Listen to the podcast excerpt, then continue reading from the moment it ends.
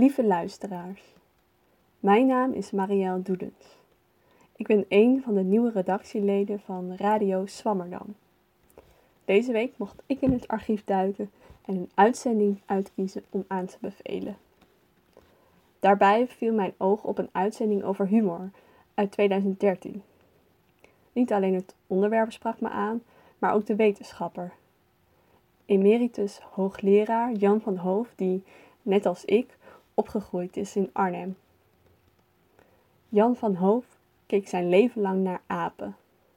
Hij is opgegroeid in de dierentuin van zijn opa, Burgers Zoo. Later ging hij biologie studeren en deed veel onderzoek naar gelaatsexpressies bij apen en mensapen. Deze uitzending is afkomstig uit 2013. In de tussentijd is Jan van Hoof nog regelmatig in de media verschenen. Vorig jaar verscheen zijn autobiografie Gebiologeerd en je kunt hem ook kennen van de video uit 2016, waarin hij wordt omhelst door de doodzieke chimpansee Mama. In deze uitzending gaat het over de evolutie van de lach. Jan van Hoofd vertelt waarom humor speelsheid is en wat het verschil is tussen een apenlach en een mensenlach. Jan van Hoofd doet het overtuigend voor, dus ook u zult ongetwijfeld lachen tijdens het luisteren. De uitzending wordt gepresenteerd door Stefan de Groot en Jeroen Stoffels. Daarnaast deelt Sikko de Knecht zijn visie op humor in een column. En er is muziek op thema. Ik wens u heel veel luisterplezier.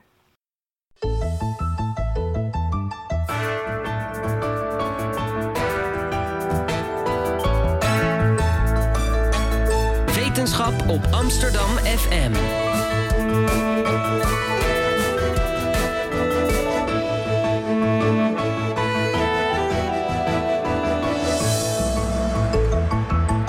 Radio Swammerdam. Goedemorgen en welkom bij Radio Zwammerdam. Vandaag is ons thema humor in de evolutie. Wat is humor? Waarom lachen we eigenlijk? Filosofen hebben zich door de eeuwen heen al over deze vraagstukken gebogen. Volgens Aristoteles lachen we vooral uit een gevoel van superioriteit. We lachen om, uh, om anderen om ons lekker boven hen verheven te voelen. Volgens de Franse filosoof Bataille echter lachen wij juist omdat wij een gevoel van onszelf verliezen en zit lachen in hetzelfde gebied als een gevoel van angst of van bewondering voor het heilige. Freud noemde humor een onschuldige uitlaatklep voor gevaarlijke en seksuele impulsen. En Bergson noemde het weer een zuiver intellectuele waarneming waarbij bij rigiditeit zien, daar waarbij flexibiliteit verwachten. En zo zijn, er, zo zijn er nog talloos andere definities van humor te geven. Maar bestaat deze definitie wel? Is er een kern van humor? Kunnen we terug naar de oorsprong? Zouden onze voorouders hebben gelachen? En zo ja, kunnen onze naaste verwanten, bijvoorbeeld de chimpansees, ook lachen? Maar waarom lachen zij dan? Wat zijn de overeenkomsten? Wat zijn de verschillen? Dit soort vragen gaan wij stellen aan onze gast vandaag, Jan van Hoof. Ja, en emeritus hoogleraar Jan van Hoof werd op 15 mei 1936 geboren in Arnhem. Zijn grootvader Johan Burgers was niemand minder dan de oprichter van Burgers Dierenpark, dat 100 jaar geleden voor het eerst het licht zag toen Johan Burgers zijn fazanterie voor publiek openstelde. Vandaag de dag staat het dierenpark beter bekend als Burgers Zoo. En ja, wie is er eigenlijk niet groot mee geworden? In ieder geval wel Jan van Hoof. En het zal dan ook niet verbazen dat hij biologie is gaan studeren en uiteindelijk zijn proefschrift schrijft over aspecten van het sociale gedrag en de communicatie bij humane en hogere niet-humane primaten. Vandaag is hij hier bij ons te gast in de studio in de Openbare Bibliotheek van Amsterdam en kunt u gaan luisteren naar een interview met hem over zijn onderzoek naar de lach. Ja, maar we hebben het niet alleen een interview met Jan van Hoof. We hebben ook een column van neuroloog Sikko de Knecht met zijn visie op humor en we hebben muziek op thema. Vandaag in Zwammerdam dus wetenschap over humor. Na humor is veel wetenschappelijk onderzoek gedaan. Vanuit verschillende disciplines, de biologie, filosofie, psychologie, neurologie, sociologie, bestudeert men de lach, het gevoel voor en het effect van humor. Maar nou is humor in de wetenschap nog niet zo vanzelfsprekend. Als wetenschapper behoort men immers serieus te zijn. Relevante informatie wordt verkregen door degelijk en droog onderzoek. Feiten zijn gewoon wat er is en wat er is, is er daar is niks grappigs aan. Een grap ontstaat alleen wanneer we eerst iets anders dachten en nu ineens dit. Een wetenschapper mag dus hooguit humor gebruiken om eerst de onwaarheid van het ene aan te geven en vervolgens te duiden wat werkelijk waar is. Maar bij het maken van te veel grapjes loopt de wetenschapper het risico door zijn collega's als onwetenschappelijk te worden beschouwd. Wat doet die populair, wordt dan afkeurend gezegd. Maar is dit wel terecht? Moeten wij niet, als humor zo'n belangrijk onderdeel van ons bestaan is, ook de humor onder de wetenschapper zelf niet eens wat serieuzer nemen? Is de wetenschap ook niet gebaat bij het gebruik van humor? Brengt een grap ons niet soms op een geniaal idee? Ehm, meneer Van Hoof, wat vindt u eigenlijk van het gebruik van humor in de wetenschap? Nou ja, u hebt het zo fantastisch gezegd. Want als je als, eh, als, eh, als wetenschapper er van alles een grap maakt, dan zeggen ze, laat maar, hè? Het, zal Ja. wel, het zal wel waar zijn. Maar iedereen die wel eens voor grote collegezalen heeft gestaan of voor grote gezelschappen, en ik heb dat eh, vele malen mogen doen, die weet, daar zit dan een heel gehoor, dat zit te wachten op jouw wijsheden en zo. En als je natuurlijk met een kwinkslag kunt beginnen of eventjes het gehoor even op het verkeerde been zetten, zodat ze iets doorkrijgen wat ze niet verwachten, en wat een beetje wonderlijk contrastrijk en speels is. Pats, dan heb je ze. En als je drie kwartier college geeft over een onderwerp, dan is het fijn om na tien minuten weer eens even de lach te kietelen. En na twintig minuten weer. Dan is men er weer bij. Maar bovendien, dan blijven de dingen hangen. Want Ja. vaak aan een, eh, aan een goede metafoor, die ook een beetje komisch is. Tjak, daar blijft de essentie van een verhaal kun je eraan koppelen en dat blijft dan hangen. Nee, humor is verdomd belangrijk. Zoals in het hele bestaan van ons. Hè? Want humor is speelsheid. Speelsheid. En de lach die daarbij mee gepaard gaat, die vertelt ons hoe we tegenover de dingen staan. Ja, En ik vond het altijd zo ongelooflijk leuk. Zo ben ik ook begonnen, omdat ik natuurlijk eigenlijk eh, met een stel filosofische auteurs. Nou, u hebt er net een paar prachtige verhalen genoemd van hoe je humor kunt duiden. En de associatie van humor met lachen, dat we lachen om een grap, iets waarbij je beetgenomen wordt, op het verkeerde been gezet wordt, et cetera. Dat, eh, dat wisten we natuurlijk al lang. En de vraag is, ja, is dat nu iets unieks menselijks? Natuurlijk, er zijn filosofen die zeggen, dat is natuurlijk uniek menselijk, want het is abstractie. Je ziet het komische. En het komische is een wonderlijk contrast tussen wat gepresenteerd wordt en wat er uiteindelijk uitkomt. Nou ja, gevoel voor humor. Hebben slakken gevoel voor humor? Hagedissen? en hebben- wetenschappers hebben die gevoel voor humor? we- Ik ken er die het niet hebben. Ja. Nee, dat, maar u, u gebruikt het dus bewust wel. Ik gebruik het eh, ook onbewust. Ook onbewust. Eh, ja. onbewust. Ik ben altijd op zoek naar een, een, een, een leuk contrast. Maar dan is de vraag: zijn wij de enigen die dat hebben? Nou, het gevoel voor humor is op zich natuurlijk niet makkelijk te meten bij een chimpansee. Maar hoe kwam ik erop? Mhm. Ik eh, bestudeerde in het begin van de 60 jaren. Ging ik kijken naar gelaatsexpressies bij andere dieren. En in eerste instantie ook bij apen. En ik had Darwin gelezen. En Darwin heeft tegen de tweede helft van de 19e eeuw een heel beroemd boek geschreven. En dat heette De expressie van de emoties bij de mensen en de dieren. En dat was heel bijzonder, want hij ging dus vanuit dat ook gedragingen en wat daar aan mentale structuren achter zit, dat die niet zomaar uit het blauw zijn komen duvelen, maar dat ook die, net als de fysieke structuren, het product zijn van een geleidelijk evolutieproces. En waar kon hij daar nou evidentie voor vinden dat ook het geestelijke, het mentale, ook een evolutionaire continuïteit heeft? Dacht hij, dan moet ik gaan kijken naar uitingen van mentaal functioneren. Nou, Ja, want je kan geen grondonderzoek doen eh, naar emoties eh, Nee. door, de, door de eeuwen heen. Nee, je kunt dat, eh, nee, dat kun je niet. Je kunt geen grondonderzoek doen. Je kunt vergelijkend gaan kijken. En dan, dat deed Darwin. En die zegt, als ik nou eens naar apen ga kijken... dan zie ik sommige gedragingen die lijken veel op de onze. En als ik bij meer verwante soorten kom... bijvoorbeeld bij de chimpansee en bij de orang-oetan... en ik vergelijk dat met wat makaken doen... dan zie ik dat, dat, la- dat die orang-oetans en die chimpansee toch meer op ons lijken. Tegenwoordig kunnen we natuurlijk nog een heleboel meer... En een neurowetenschapper die zal zeggen: Wacht even, wat gebeurt er in het brein? Wat voor kleurvlekjes zie ik oplichten in mijn mooie scans als er dit of dat gebeurt? En dan zou je kunnen kijken: wat gebeurt er als wij lachen? Wat gebeurt er als we droevig zijn? Wat gebeurt er als we woest zijn? En verdomd, als ik dan zie dat in soortgelijke hersengebiedjes soortgelijke dingen gebeuren, dan wordt het langzamerhand ook steeds plausibeler dat wij die basale structuren niet alleen delen, maar dat er ook elementaire processen zijn die we met elkaar delen. En dan wordt het verbazend leuk om dat in een evolutionaire context te plaatsen. Nou, we beginnen al gelijk eh, in het onderzoek te duiken. Ehm, wetenschap kan dus wel degelijk een eh, middel zijn, of eh, humor kan wel degelijk een middel zijn in de, de wetenschap. Ja. Ehm, een ander domein waar humor ook niet geschuwd wordt, is in de muziek. En Ja. dat gaan we hier horen, bijvoorbeeld in deze kanon van Mozart. Lek mich im Arsch. Dat hoeven we niet te vertalen, toch? Nee, dat lijkt me niet. Oké. lasst uns froh sein, morgen ist vergebens. Knurren, brummen ist vergebens, ist das wahre Kreuz des Lebens. Das Brummen ist vergebens, Knurren, brummen ist vergebens.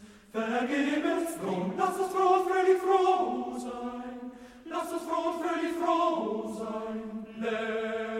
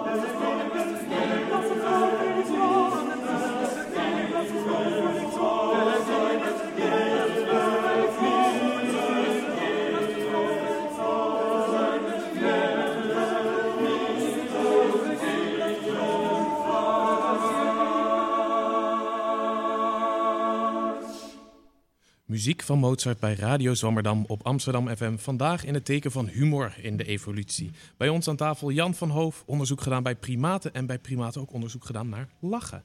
Meneer Van Hoof, bent u er inmiddels een beetje achter gekomen wat dat vreemde fenomeen dat lachen is, wat dat nu eigenlijk is, biologisch, etologisch Ja, gezien? ja, ja. Nee, daar ben ik wel, eh, wel degelijk achter gekomen. En ik, een vergelijkende studie die onthult je ook dat er iets soortgelijks bij allerhande apen is. Want wat zie je bijvoorbeeld bij apen? Een, een gelaatsexpressie waarbij de mond wijd wordt opengesperd, overigens de tanden bedekt werden. En dan, dan geven ze kuchende geluiden. Dus iets in de geest van... En wanneer zie je het? Ja, dat, Wanneer zie je het? Tijdens spel. En tijdens spel dus dit doen ze echt als ze, als ze gaan spelen of tijdens? Eh, tijdens, als ze gaan spelen, dan maken ze een spelgezicht, zoals we het noemen. Dan spellen, sperren ze de, de bek wijd open. En dan kijken ze de ander met geknepen oogjes aan. En dan maken ze ook wat, wat, wat, wat Bewegingen wat- erbij? ja, wat bewegingen. En dat is vooral onder een teken van... Ik zou zo graag eens even lekker een potje stoeien ravotten met je. En dan, als de ander daarop ingaat, dan zit de essentie van het spel, en dat was ook het geestige wat we net hadden ook bij de muziek. Kijk, Hans Lieberg, die humor in de muziek brengt. Humor werkt pas als er iets komisch is, als er ook iets serieus is waar je naar kunt verwijzen. Ja. Want de grap zit hem bij die komische muziekacts erin, dat iedereen kent de echte, de- vaak ook serieuze muziek. En dan wordt er een grap mee gemaakt. En wat is dat? Dat zijn speelse, onverwachte wendingen die dan zo. Nou, in het spel van dieren zie je precies hetzelfde. Wat is spel? Spel is quasi-vechten, quasi-seks, quasi. Het is allemaal quasi. Het lijkt dus op het ernstige. Je valt een ander aan. Je haakt een pootje. Je neemt hem letterlijk. Je neemt hem beet. Maar het, onmiddellijk is de connotatie die erbij zit. Dit is niet serieus bedoeld, joh. Dit is voor de leuk. Dit is voor de leuk, voor de grap, voor de lol. En degene die op wie de grap wordt losgemaakt, die wordt beetgenomen, die kan op twee manieren reageren. Die kan beginnen te krijsen en dan is het niet leuk. Niet doen en dan nu. houdt de ander op. Maar als dieren elkaar verstaan en ook een goede relatie met elkaar hebben, dan beseft de ander dat het voor de lol is. Dat, en dan gaat die ander erin op. En dan geeft eigenlijk degene die beet genomen wordt, die geeft eigenlijk de schater. Degene die beet neemt, doet dat ook, maar het is vooral de reactie. Dus ze hebben goede zelfspot ook dan, zou je Nou ja, zeggen. hij geeft dus te kennen. De een doet iets wat je zou mis kunnen vatten als. Maar we weten met z'n tweeën dat het niet serieus is. En de ander geeft te kennen. En ik vond het ook leuk. Ik vond het grappig. En dan zit de essentie erin. Dat er iets onverwachts, iets contrastrijks is. Want anders is het niet leuk. Men heeft in het verleden wel eens gedacht: weet je wat? Want wij lachen bijvoorbeeld. En daar begint het bij het jonge kind ook mee. Het begint met kiekeboe en kietelen. Mammy is er ineens niet meer. Ze heeft zich een slabbetje voor haar gezicht getrokken. Het kind, mammetje is weg. En dan komt mammy weer aan met een vrolijk lachgezicht. Ah, oh, het is een grap. En dan doet zo'n klein babytje van eh, een paar maanden... Doet, zo die typische kinderbabygiegel. Ja. En eh, dat is dus eh, de moppet. Er, moet, eh, er zit iets onverwachts in. Want als je bijvoorbeeld een kietelmachine maakt, dat heeft men zo'n kietel is ook Een fantastisch. kietelmachine?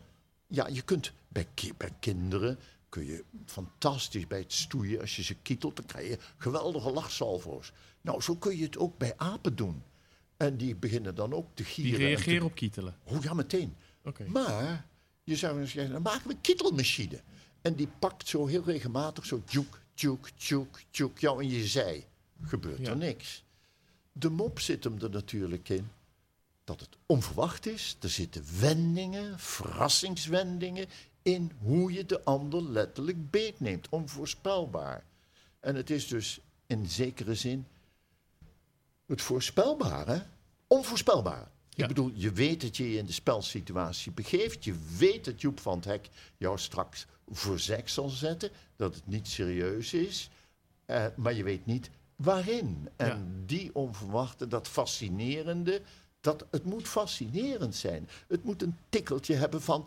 hé, hey, wacht even. Oei, nou ben ik even Ja, beetgenomen. beetgenomen. Beetgenomen, onverwacht. En, en hoe, ehm, hoe doet men eigenlijk onderzoek naar lachen bij, bij chimpansees? Ga- ga- gaat u ze aan het lachen maken? Of, eh, Ja, maar kijk ook vooral naar wat de condities zijn waaronder ze met elkaar het doen. ja. En dan zijn er een paar voorbeelden, of een, een, een, een paar voorwaarden. Als je elkaar niet kan uitstaan, dan begin je er überhaupt niet aan. Ik bedoel, dan is het... Net als bij mensen. Net als bij mensen. Als een ander de- jou dan benadert, dan denk je, wat, wat mot die met me? Maar Ja. als je dus weet dat er een goede verstandhouding is, dan kun je elkaar beet gaan nemen. En dan werkt dat. En u heeft het onderzoek onder andere ook in, in Londense dierentuin eh, gedaan, Ja. toch? Is dat een speciaal soort dierentuin? Ehm, dat is een speciale dierentuin. In die tijd, kijk tegenwoordig, ik kom er dus uit Burgers, zo ben ik groot geworden. De huidige dierentuin die richt zich niet meer op het ehm, verzamelen van zoveel mogelijk beestjes van ongeveer dezelfde soort in rijtjes, kooitjes naast elkaar. Eh degenen die het ouderwetse artjes nog gekend hebben, die weten dat er staat alle apensoorten, nou niet alle, want dan, heb je heel Amsterdam nodig. Maar dan zaten er een twintigtal apensoorten naast elkaar, die kon je met elkaar. Dat was een beetje de zoologische verzameling. Tegenwoordig, en Arnhem is daar natuurlijk toch een, eh, een voorbeeld van, zoek het veel meer in hoe dieren leven, een soort rec- reconstructie geven van hun milieu. En de Arnhemse desert en de Arnhemse bush, de oerwoud, zijn daar voorbeelden van. En de Arnhemse safaris, savanne ook. Dus, maar neem de Londense dierentuin was nog een ouderwetse dierentuin in die tijd. En daar zaten mangabees naast makaken, naast meerkatten, naast kapucijnenrapen. En ik kon dus gaan kijken naar het spel van al die beesten. En zeggen, ja, verdomd, als die spelen, dan krijg ik een lachgezicht met ontblote tanden. Bij die houdt hij de tanden bedekt. Bij die heeft hij weer een andere variant. Dat is dus variatie. En onze lach is dus een van de vele varianten erop, die wel gekenmerkt wordt doordat wij dat kuchgeluid heel duidelijk vocaliseren. Dus met andere woorden, stemhebbend maken. Wij zeggen, ha, ha, ha, ha, ha, ha. dan moet hij de knoppen dicht draaien, want dan vlieg ik Nee, uit het de mooi, het kwam mooi over. Het komt mooi over, Ja. goed zo. Nou, een chimpansee doet het anders in verschillende opzichten, maar elke andere aap doet het weer anders. Maar een chimpansee die doet het A niet zo luid, maar die doet het volgende.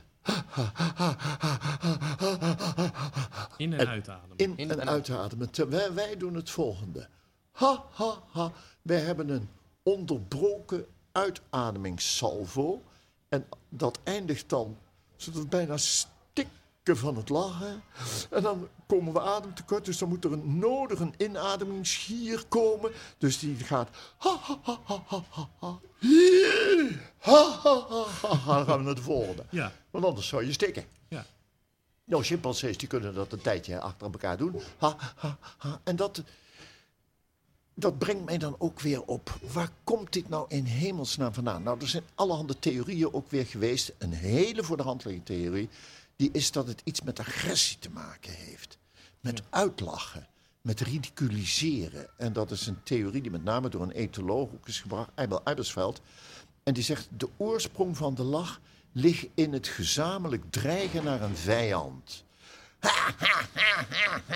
En je samen sterker voelen. En je samen sterker voelen. En dan als de vijand verslagen wordt, dan gaat dat over in een triomfschreeuw die je met elkaar geeft. Nou, dan kijk ik als eh, vergelijkend bioloog naar twee dingen. Ten eerste, vaak is het zinnig om te kijken hoe het in eerste instantie ontstaat bij jonge kinderen.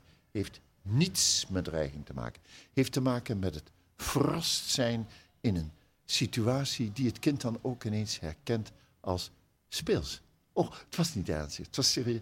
Het is spelletje met mami. Mami verdwijnt, mami doet kiekeboe, mami kietelt. Maar zou men niet dan kunnen zeggen dat het een soort voorbereiding is op latere dingen, dat als mami echt weg is?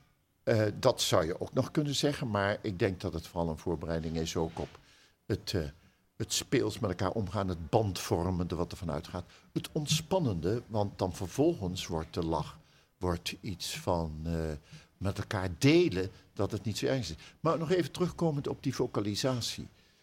Ehm, agressief blaffen, wat als het ware, nou, en gezamenlijk blaffen tegen een overwonnen vijand. Ik vind het wel interessant om te kijken naar die chimpanseelach. Die gaat als... huh, huh, huh. Nou, een zekere Spencer die heeft ooit gezegd... de lach is een element van plotselinge ontspanning. Ja, dat zit erin. Dat zit erin. Maar als we ons ontspannen, dan geven we een zucht van verlichting. Er zit dus een sociale component bij. Er zit nog iets anders bij. Als wij spannen, als ik schrik, dan doe ik dit. En als ik ontspan, dan doe ik. En als je nog gaat kijken naar hoe primaten, apen het doen in de spelsituatie, op het moment dat er iets onverwachts in de spel. Ze worden beetgenomen, doen ze even dit. En dan meteen komt de. Ha. En dan krijg je dus de afwisseling, wat het, de grap ook is, komisch. En dat wordt geritualiseerd tot een dergelijke lach. Bij ons is het iets anders. Wij houden de adem in als een soort spanningsmoment. Ha, stokt, dat is het spanningsmoment. Ha, en dan gaat hij verder. En dan krijgen we de lachsalvo. Dus als je vergelijkend gaat kijken, zie je verschillende variaties op hetzelfde thema. Dat is spanning, ontspanning, spanning, ontspanning, spanning, ontspanning. Dat zien we erin terug. En dan krijgt het bij ons ook een fantastische sociale functie. Want wat ik erg leuk vind om te zien. eh, apen lachen tegen elkaar. Ze zijn met elkaar bezig. We gaan nu met elkaar lekker stoeien, ravotten. Ja jongens, dat is dus voor de pret. En elkaar pootje haken en elkaar achterna zitten. En kijken of je elkaar kunt ontsnappen. En dan wisselen de rollen, want de aanvaller van net is nu de achtervolgde. Met andere woorden, dat, dat, dat, dat geweldige wisselen in spel. Maar het kenschetst de relatie van de twee dieren onderling. Dus zo doen wij het ook. We lachen tegen elkaar om een grap die we maken en waarbij de een te kennen geeft: Ja, dat was een goede grap. Ik ben beetgenomen. Leuk hoor. Soms als een boer die kiespijn heeft, dat komt ook voor. Maar wij kunnen ook lachen met elkaar over de dingen. Moet je Gent zien, joh. Daar staat er de, moet die vent zien, die gewichtige keel. Die denkt dat hij... en Die heeft die bananenschil, dus had hij niet in de gaten. Nou, dat vinden we komisch, hè. Dus daar lachen we met elkaar. En dan geven we dus eigenlijk commentaar op de wereld rondom ons heen. Ook weer in termen van, is dit serieus?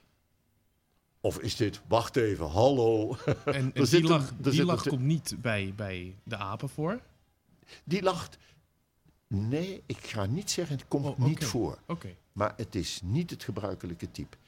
Ehm, bij ons is die, en dat, eh, zo, zo staan wij in de wereld. Wij staan als mensen, zijn we, daar hebben wij de taal voor. Oh ja, apen kunnen ook communiceren met taalsymbolen.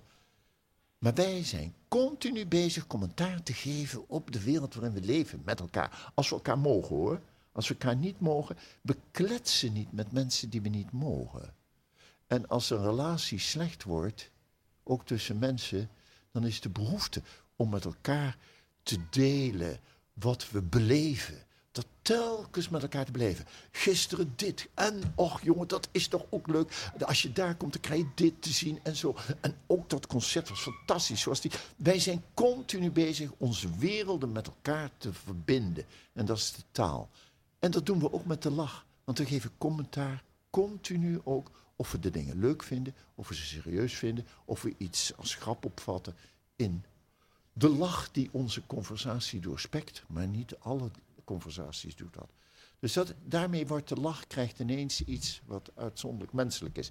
Maar ik moet er meteen erbij zeggen, bij apen kan dat ook. Ik had eens een keer een gezelschap gedragsonderzoekers op bezoek en die kwamen kijken naar de chimpansees in Arnhem. En toen zeiden we, dan gaan we een proefje met ze uithalen.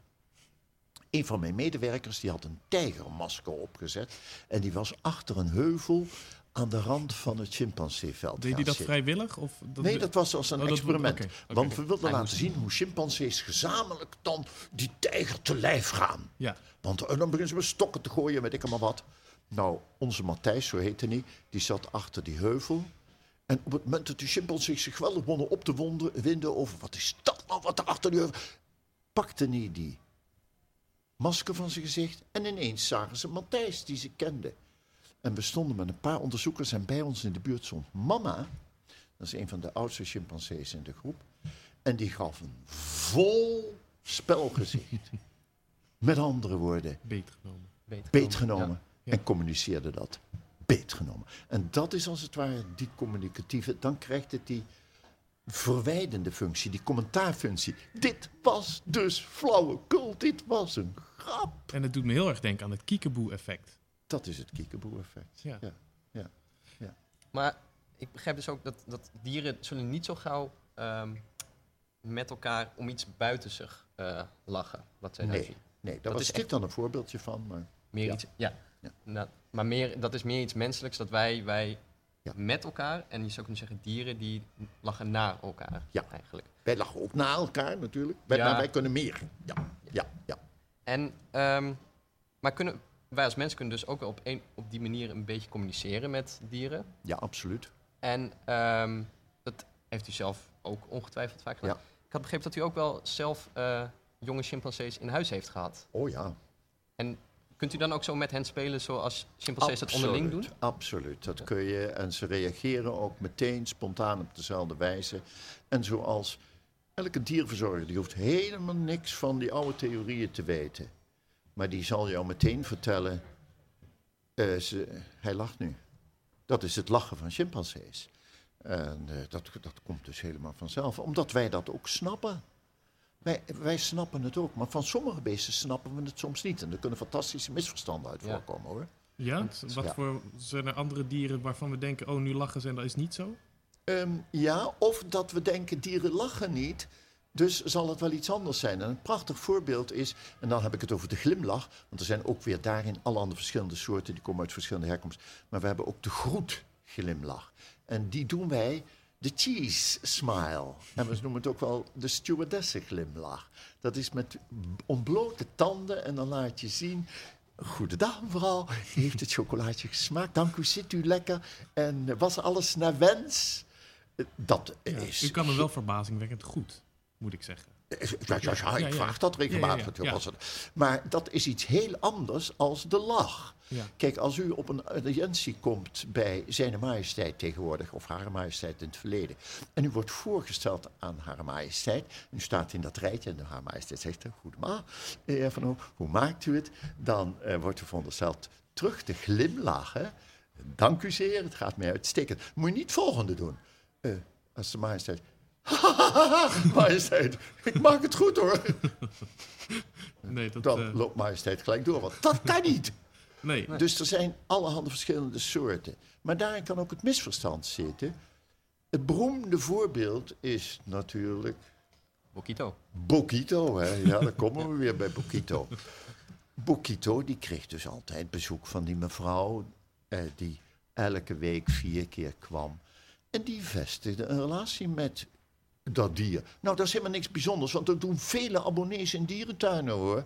Die kennen sommige dieren beter dan de verzorgers. En eh, dan zei de, de, de, Want dat deed die, die, die, die, die gorilla. Als mevrouw wegging, dan tuigde hij zijn eigen vrouwen af in de kooi. En dan was hij pissig, dus de verzorger zei... Ziet u wel dat hij pissig is? U maakt hem nijdig. En waarop zij zei, nee, ik maak hem helemaal niet nijdig. Dat, wordt pas als ik, dat wist zij ook niet, want dan was ze weg.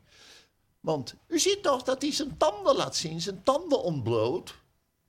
Ja, maar zij had begrepen dat hij dat deed omdat hij zei, ik vind jou aardig. En dat had ze goed begrepen. Want de groet van een gorilla, de groetglimlach, is ook breed de tanden bloottrekken. Heel anders dan hun spelgezicht. Maar wij vanuit ons, want dat doen apen toch niet, denken dat is dreigen je tanden laten zien. Bij beduveld, je hebt, de- als ze dreigen, dan laten ze hun tanden op een hele andere manier zien. Trekken ze de mondhoeken omhoog en laten ze de hoektanden zien. Doen ze dit. Maar dat Ja. deed Bokito niet. Dat dus- deed Bokito niet. Nee, die trok een brede bek. En met de tanden bloot en schroeten. En hoe kunnen we dan... Ja, Dus eigenlijk. hij bedoelde het eigenlijk goed, maar... Hij bedoelt het eigenlijk goed. Hij werd wel pisser.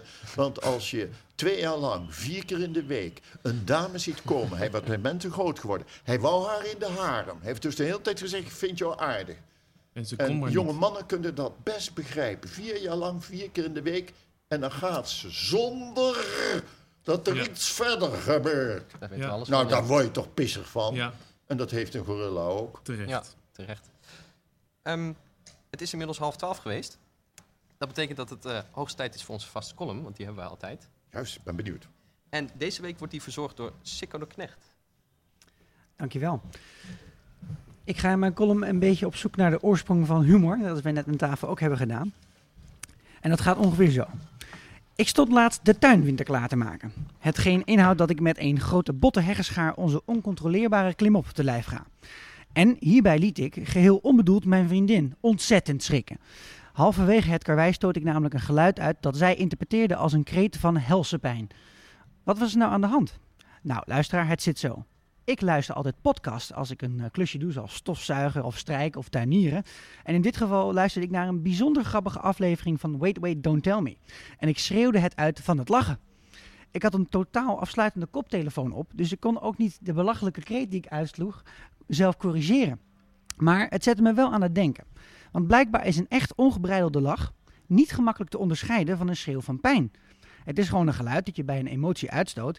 En als je het niet een beetje raffineert, dan kun je het makkelijk verwarren met iets anders. Je hebt dat sowieso wel eens met mensen die op zo'n manier lachen dat het eerder klinkt alsof iemand ze afstaat te rossen met een botte stoelpoot. Een beetje alsof ze niet overweg kunnen met de stimulus die ze hebben gekregen. Nou, biologen zoals Jan van Hoof, die noemen dit overspronggedrag. Dat ontstaat wanneer conflicterende gedragssystemen elkaar zodanig in de weg zitten dat er een relatief onlogische handeling uit voortkomt. Zo zag ik laatst eh, een wolf en een muskusos heftig met elkaar in gevecht op de tundra in een serie van onze David Attenborough. En na drie minuten bijten, schoppen, duwen en bloeden zijn die beide dieren compleet uitgeput. Ze weten niet meer wat ze met de situatie aan moeten. Want wegrennen kan niet en de ander verslaan, dat lukt niet. Het resultaat? De wolf begint sneeuw te eten en de bison doet een plasje. Ja, en ik denk dat lachen een zeer chique vorm is van overspronggedrag. Onlogisch handelen met een evolutionair voordeel blijkbaar. Maar om dat verhaal rond te breiden, moeten, moet, breien, moeten we eerst nog iets anders behandelen. Want Alleen maar af en toe niet weten wat je met een bepaalde gebeurtenis aan moet, dat is niet genoeg om te verklaren wat de oorsprong van lachen en laat staan humor is. Daarvoor hebben wij namelijk een ander ingrediënt nodig. En dit tweede ingrediënt is empathie. De meeste mensen worden geboren met de gave om hetzelfde te- kunnen voelen als een ander voelt. Deze reflectie, die volgens sommige wetenschappers mede mogelijk wordt gemaakt door spiegelneuronen, geeft de mens de mogelijkheid zich in te beelden in hoe een ander zich voelt. Simpel gesteld kun je dan prikkels die anderen ontvangen ervaren alsof je ze zelf ontvangt. En deze prikkels kunnen natuurlijk allerlei vormen aannemen. Laten we een simpel voorbeeld nemen. De skateboarder. Hij maakt een grind over de trapreling, glijdt uit en de reling die zojuist nog zijn steun en toeverlaat was, plet nu zijn zaakje tot een pijnlijke pulp. De toeschouwer ziet het gebeuren en krijgt automatisch feedback van zijn eigen systeem. Dit doet pijn. En in het conflict van inleving en visuele prikkeling ontstaat een explosie. De lach. En natuurlijk hoeft een dergelijke situatie zich niet te beperken tot lichamelijk letsel. Zo kunnen mensen ook bijzonder geamuseerd zijn wa- wanneer een ander geestelijk toegetakeld wordt. Die momenten moet de luisteraar herkennen. De academische term hiervoor is overigens iemand voor lul zetten. En dat brengt mij tot mijn laatste stelling. Namelijk dat alle vormen van humor uiteindelijk een vorm van leedvermaak zijn. Iemand zien vallen, doen alsof je valt, herinneringen aan, ophalen aan hoe iemand viel en de voorstelling wat nou als iemand valt. Van lachen met homevideo's tot aan The Office, het zijn steeds slimmere varianten van een skater die op zijn zaakje valt. En dat is de ultieme grap van het leven. Dat ze ons doet denken dat het allemaal zo bedacht is, maar dat de mooiste dingen zelfs een gek ongelukje kunnen zijn. Humor heeft een enorm evolutionair voordeel. Je kunt er sociale banden mee smeden en je kunt er een partner mee versieren. Allemaal mooi meegenomen als je op dit vlak een beetje begaafd en ontwikkeld bent. Maar het blijft gewoon ordinair leedvermaak.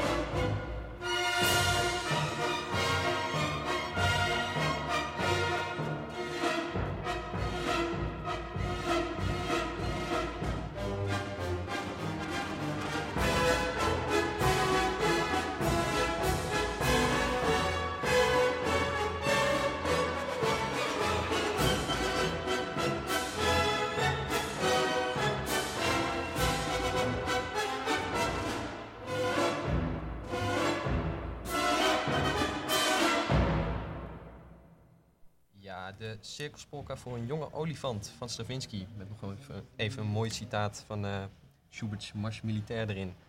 Hier eh, uitgevoerd door het Berliner Philharmoniker onder leiding van Herbert van Karajan. Eh, meneer Van Hoof, heeft u wel eens een eh olifantenpolka zien doen? Ik moet bekennen dat ik dat niet gezien heb. Nou heb ik nog lang niet alle olifanten gezien, nou, alle olifantengedrag. Nee, maar ik geloof niet dat olifanten doen. Het gekke is ook dat olifanten geen spelgezicht kennen en geen Ah, lachvariant. Wat we wel bijvoorbeeld zien bij honden, bij, bij apen met name. Stoeidieren doen dat. Maar olifanten stoeien niet met elkaar. Het gekke is, jonge olifantjes rennen achter elkaar aan. Maar daarbij zie, heb ik niks gezien wat daar ook maar enigszins op lijkt. Dus eh, ik zou zeggen, olifanten, humoristische, koddige beesten. maar dat is desondanks, hun ondanks. dat hebben we vastgesteld. U luistert nog steeds naar Radio Zwammerdam met als thema humor in de evolutie. En in het laatste onderdeel van het programma proberen we toch iets dichter bij die oorsprong van het lachen te komen. De filosoof Bataille, we hebben hem al eens genoemd, Ja. zei dat er geen kern is van het lachen. Er is niet één speci- specifieke oorzaak van het lachen aan te geven. En dat, dat is eigenlijk juist de kern. Ehm, en ook onze eigen cabaretier Hans Steeuwen heeft wel eens gezegd dat humor iets is wat niet is vast te pinnen. Als je zegt, volgens deze regel is iets grappigs en je doet vervolgens iets volgens die regels, dan kan het ook net zo goed niet grappig zijn. En andersom, als je, echt, als je zegt zoiets is echt niet grappig en je doet het, kan het volgende moment ineens je doen bulderen van het lachen. Meneer Van Hoof, wat denkt u? Sikko, die overigens nu ook bij ons is aangeschoven, leuk, had het net in zijn column over dat lachen in essentie gaat over de pijn, leedvermaak, over de pijn van een ander. Ehm, gelooft u, meneer Van Hoof, dat er een kern is van het lachen? Dat ieder lachen te herleiden is tot één ervaring? Ja, dat geloof ik wel. Eh, het is zonder meer zo dat er allerhande vormen van lachen zijn. We hebben het lachen van de boer die kiespijn heeft. Dat wil zeggen, die zit in een situatie waar mensen een grap maken en de sociale context verplicht hem om het leuk te vinden. En het gaat ten koste van hem of van iets wat hem dierbaar is. En hij vindt het helemaal niet leuk. Dan is hij een boer die kiespijn heeft. We hebben het lachen uit leedvermaak. Natuurlijk, dat hebt, eh, hebt u terecht gezegd. We kunnen uitlachen. We kunnen ook sarcastisch, sardonisch lachen. Een ander kleineren, ridiculiseren. Dat is er wel. En dat is een van de theorieën geweest. Dat dat de oorsprong zou zijn. Dat heb ik straks ook gezegd. Maar dan moet je gaan kijken. Hoe zit het de ontwikkeling bij kinderen? Begint het zo? Nee, het begint in de speelse interactie. Later bij groepsvorming zie je dat uitlachen ook kan. Dat, maar bij apen kennen we geen uitlachen. Kennen we wel het lachen in de rechtstreekse spelcontext. Dan, eh, ja, wat jij zei over pijn, et cetera. Het is een kreet, het is moeilijk te onderscheiden van het lachen. Sommige vormen denk ik wel. Dus ik ben het wel met je eens dat er vele vormen van lachen zijn. Maar om het nou een oversprong te noemen, dan zou je moeten zeggen, het is niet functioneel in de context. Maar als ik het vanuit mijn perspectief bezie, dan zeg ik, het signaleert tussen de twee betrokkenen de speelse intentie en van degene naar wie gelachen wordt en die beetgenomen wordt, de speelse appreciatie. En dat wisselt af in dat speelse. Daar zie ik eh, geen oversprong in, want oversprong zou iets zijn wat, Wat, wat is oversprong? nou, dat is een gedrag wat optreedt als ehm, dieren in een conflict situatie zitten en geen van de twee uitwegen uit het conflict zijn mogelijk. En dan gaan ze dingen doen die nergens op slaan. Zoals de, de en dat, wolf we noemen dat verlegenheidsgedrag, zou je het ook kunnen noemen. Ja. Nou, er komt lachen voor uit verlegenheid, geef ik jou grif toe. Ja. Maar ik denk dat het authentieke lachen, het oorspronkelijke lachen, is helemaal niet uit verlegenheid. Dat is uit, eh, wij gaan met z'n tweeën lol maken. We gaan lol maken. En, eh, dus ik denk dat er wel visies zijn, maar dat om het echt te achterhalen wat de oorsprong is van ons lachen. En dat is het gekke, dat we om een menselijk gedrag te begrijpen en zijn oorsprong op te sporen, eigenlijk moeten gaan kijken naar wat voor varianten komen er in het dierenrijk voor. En dat kan verbazend onthullend zijn.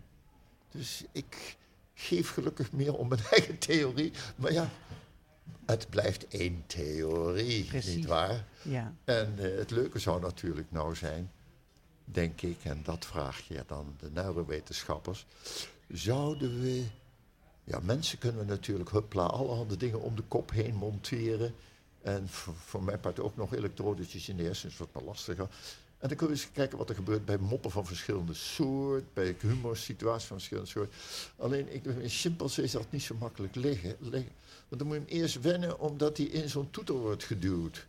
Waar je die, eh, die scans gaat maken. Nou, dat vindt hij vast niet leuk. En om dan nog te interesseren in iets grappigs, in een stoeispelletje, dat zal niet.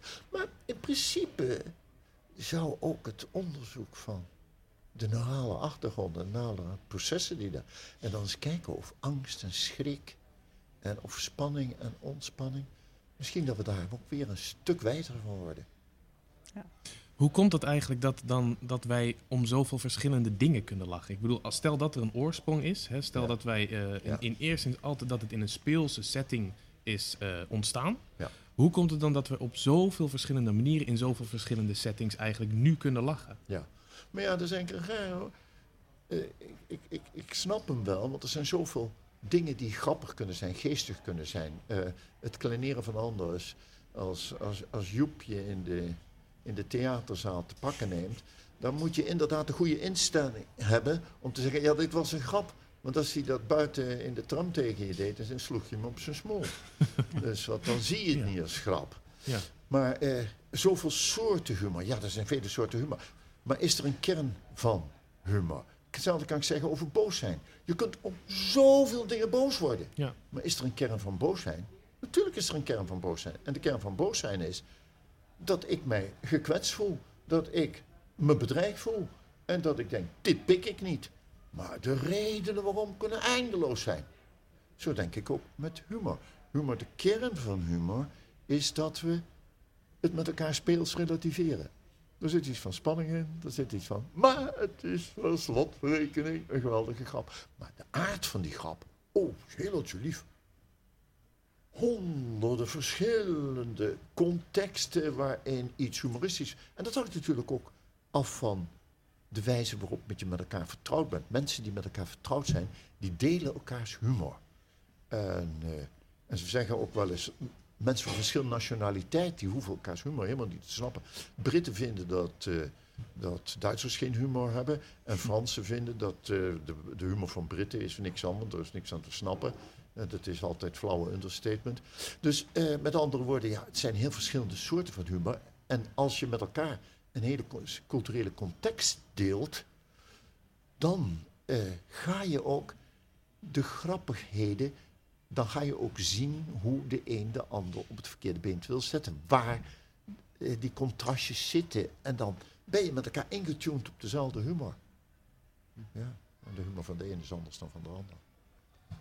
Ehm, wat betreft eh, eh, humorloze mensen ook. Want we Ja. hadden het net al even over de verschillende Ik zou zeggen, die, die, die komen niet ver. Nee? nee? Die- komen Ach, niet ik denk, iemand die geen humor is. We hebben eens een keer, eh, toen ik bij, eh, in, in Oxford deed onderzoek in de Londense dierentuin. Desmond Morris was mijn coach.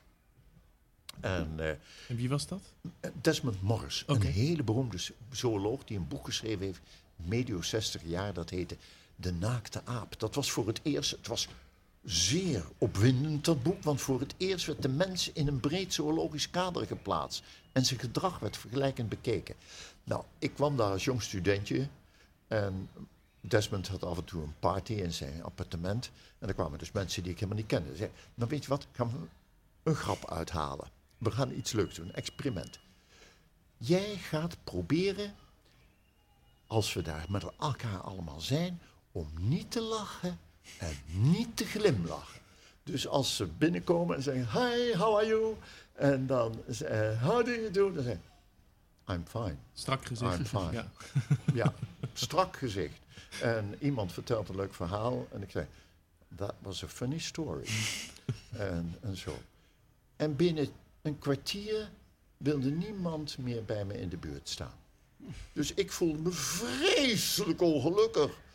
Want ik hoorde er niet meer bij. Je hebt niet. en en in, het is een speelse context van speels met elkaar. Een party, daar wordt gelachen. En je amuseert elkaar met leuke, maar ook boeiende verhalen. Niet alles is grap, maar er, Maar de grap komt erom, de haverklap tussendoor. Nou, ik had mezelf buitengesloten. Humorloze mensen? Hoed je er ook voor trouwens. Want ik denk Ja, dat ze wel maar- eens niet zouden kunnen relativeren. Aha. En mensen die niet kunnen relativeren, ben ik hartstikke bang van hoor. Jeroen, je had nog een mooi verhaal toch over Hitler, of niet? Ja, Als we het toch nou, hebben over eh, mensen zonder humor. Inderdaad, het, eh, het schijnt dat eh, Hitler, die had niet zoveel humor inderdaad. Want ehm, een cabaretier die had zijn paard Adolf genoemd, maar dat werd niet in dank afgenomen en die is eh, gelijk opgehangen, die cabaretier. En daar werden zelfs speciale rechtbanken opgezet om eh, dit soort uitspraken uit te zoeken Ja. en te vervolgen. Dat is toch wel Ja. vrij ernstig lijkt mij. Ze vonden het een lage mentaliteit, eh, humor. Ja. Dat getuigt van lage Kan mentaliteit. ook dodelijk zijn, hè? Humor kan dat lijkt me heel Ja. letterlijk ook dus. Ja. Ja. ja. Maar hoe moeten we dat dan, als, als wij mensen tegenkomen die... tot- Er zijn mensen Ja. die niet kunnen lachen. Nou, Of- of die bijna dat niet weet lachen. ik niet. Er zijn natuurlijk verzuurde mensen. Er zijn mensen die... Ja, natuurlijk zijn er mensen die niet meer lachen. Maar ga je er graag mee om? Nee. Nou, wij merken het vaak, eh, want Stefan en ik werken ook in het, eh, in het dagelijks leven, zeg maar, als Ja. ze posten in het concertgebouw. Dus dan Aha, zijn we een soort leuk. beroepslachers. Ja. En eh, de de, de pen afgelopen... en smile, hè? Ja, ja, dat Ja. ben ik. Goedemiddag. En, en goedemiddag. Smile, inderdaad. Ehm, en de afgelopen dagen heb ik een beetje zitten opletten ehm, Ja. op eh, hoe we nou naar elkaar lachen. En in het voorbijgaan lachen, eh, heel veel naar bezoekers en naar collega's. Dat is dan meer een soort tolerantielach, denk ik. Ja. Van, wij mogen elkaar. Ja. Maar er zijn inderdaad ook mensen die... Je kunt lachen tot je in ons weegt, maar die... eh, die gaan nooit teruglachen. Nee. Kunnen we daar iets uit afleiden dan over deze mensen? Mogen, he- hebben we dan oorlog met die mensen vanaf dat Nou, moment? ik denk niet dat je per se oorlog hebt. Het kan zijn dat die moet deze avond naar het concert, maar hij heeft net al die aandelen van ABN AMRO te vroeg verkocht. Want eh, vanavond zijn ze ineens de driedubbele waard en gisteren... toen- Nou, die is niet in de stemming om te lachen. Dat kan. Ik bedoel, je, het is een motivationele toestand en daar ben je niet altijd in. Er zijn momenten dat ik eh, echt niet geen zin heb om te lachen. Want eh, dan ziet het leven, er zijn van die momenten dat van alles zit tegen dit. dit." Nou lach je niet. Toch naar het concert gaan. Misschien aan het eind, als je had ze nog eens moeten zien bij de uitgang.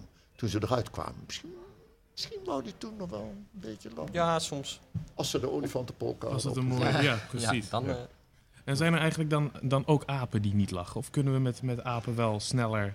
Zijn die makkelijker wat dat betreft? Nou, alles hangt van de sociale relatie af die je met ze hebt. Ja. Als Ja. die gespannen, vreemd is, je weet niet wat de ander doet, je kent hem niet, dan komt het niet tot stand. Er is een, eh, een sociale ontspanning, eh, f- en feitelijk vriendschappelijkheid. En daarom lachen gaat uiteindelijk geassocieerd worden. Het hartelijke lachen hoor, niet Ja. het uitlachen. Ja, ja, ja. En dat is met elkaar lachen naar een vreemde iemand uitlachen. Nee, samen in een lekkere lachsfeer. En dan is het ook interessant om te zien dat de seksen daarin verschillend zijn. Ja, Eh, mannen zullen in een biseksueel gezelschap eerder de grappenmakers zijn dan de vrouwen. Vrouwen zijn meer geneigd om om de grappen van mannen te lachen. En daar zijn hele theorieën over. Er is een zekere Miller die eh, het heeft over de wijze waarop mensen indruk op elkaar maken, met name in de hofmakerij. En mannen wedijveren vaak in geestig zijn, de ander overtroeven in geestig zijn. Ja. Een betere grap maken. ja. En de lacher, de grappenmaker, wint het vaak ook. Hè? Die krijgt eh, Kijk. Ja. De lachers op je hand krijgen, zo heet het per slotverrekening. ik hoor door mijn koptelefoon al de muziek. En dat betekent helaas al dat we door het uur heen zijn. En we Ja. zijn nu net weer op zo'n onderwerp waarvan ik dacht... Nou, hier kunnen we nog wel een uur over doorpraten. Ja. Misschien gaan we dat ook gewoon doen. Alleen niet meer op de radio. Ik vond het ook ontzettend leuk. En bedankt ook voor de geweldige column, die een aantal punten fantastisch bij elkaar pakte. Ja, Ja. nou, dus we komen op het eind. Dit was een uitzending van Radio Zwammerdam over humor in de evolutie. Met heel veel dank aan onze centrale gast Jan van Hoof. Columnist Sikko de Knecht, die op het eind ook even erbij was. Ehm, achter de techniek zaten deze keer Lisa Rubinstein en Robert-Jan Sebrechts. U hoorde muziek van Mozart, de Circuspolka van Stravinsky... en nu luistert u naar het eerste deel uit het strijkkwartet De Grap van Haydn. De presentatoren van vandaag waren Jeroen Stoffels en Stefan de Groot. En wij zonden live uit vanuit de Openbare Bibliotheek Amsterdam. Mocht u een uitzending bij willen wonen, dat kan dan. Er staan hier zelfs een aantal stoeltjes speciaal voor u. Deze uitzending is terug te luisteren via salto.nl en komt ook op onze Facebookpagina. Volgende week gaat het in Radio Zwammerdam over het nut van de kanon. En hebben wij als gasten Thomas Vazens en Bas Bellemant. Niemand minder dan Willemijn van Dolen doet dan de column en de presentatoren zijn Sterren ten Houten, De Lange en Stefan de Groot. Dat is volgende week. Dit was het voor nu. Zo dadelijk kunt u luisteren naar Stopera op zondag, dus blijf vooral hangen. Radio Zwammerdam, wij wensen u een fijne dag. Hartstikke mooi.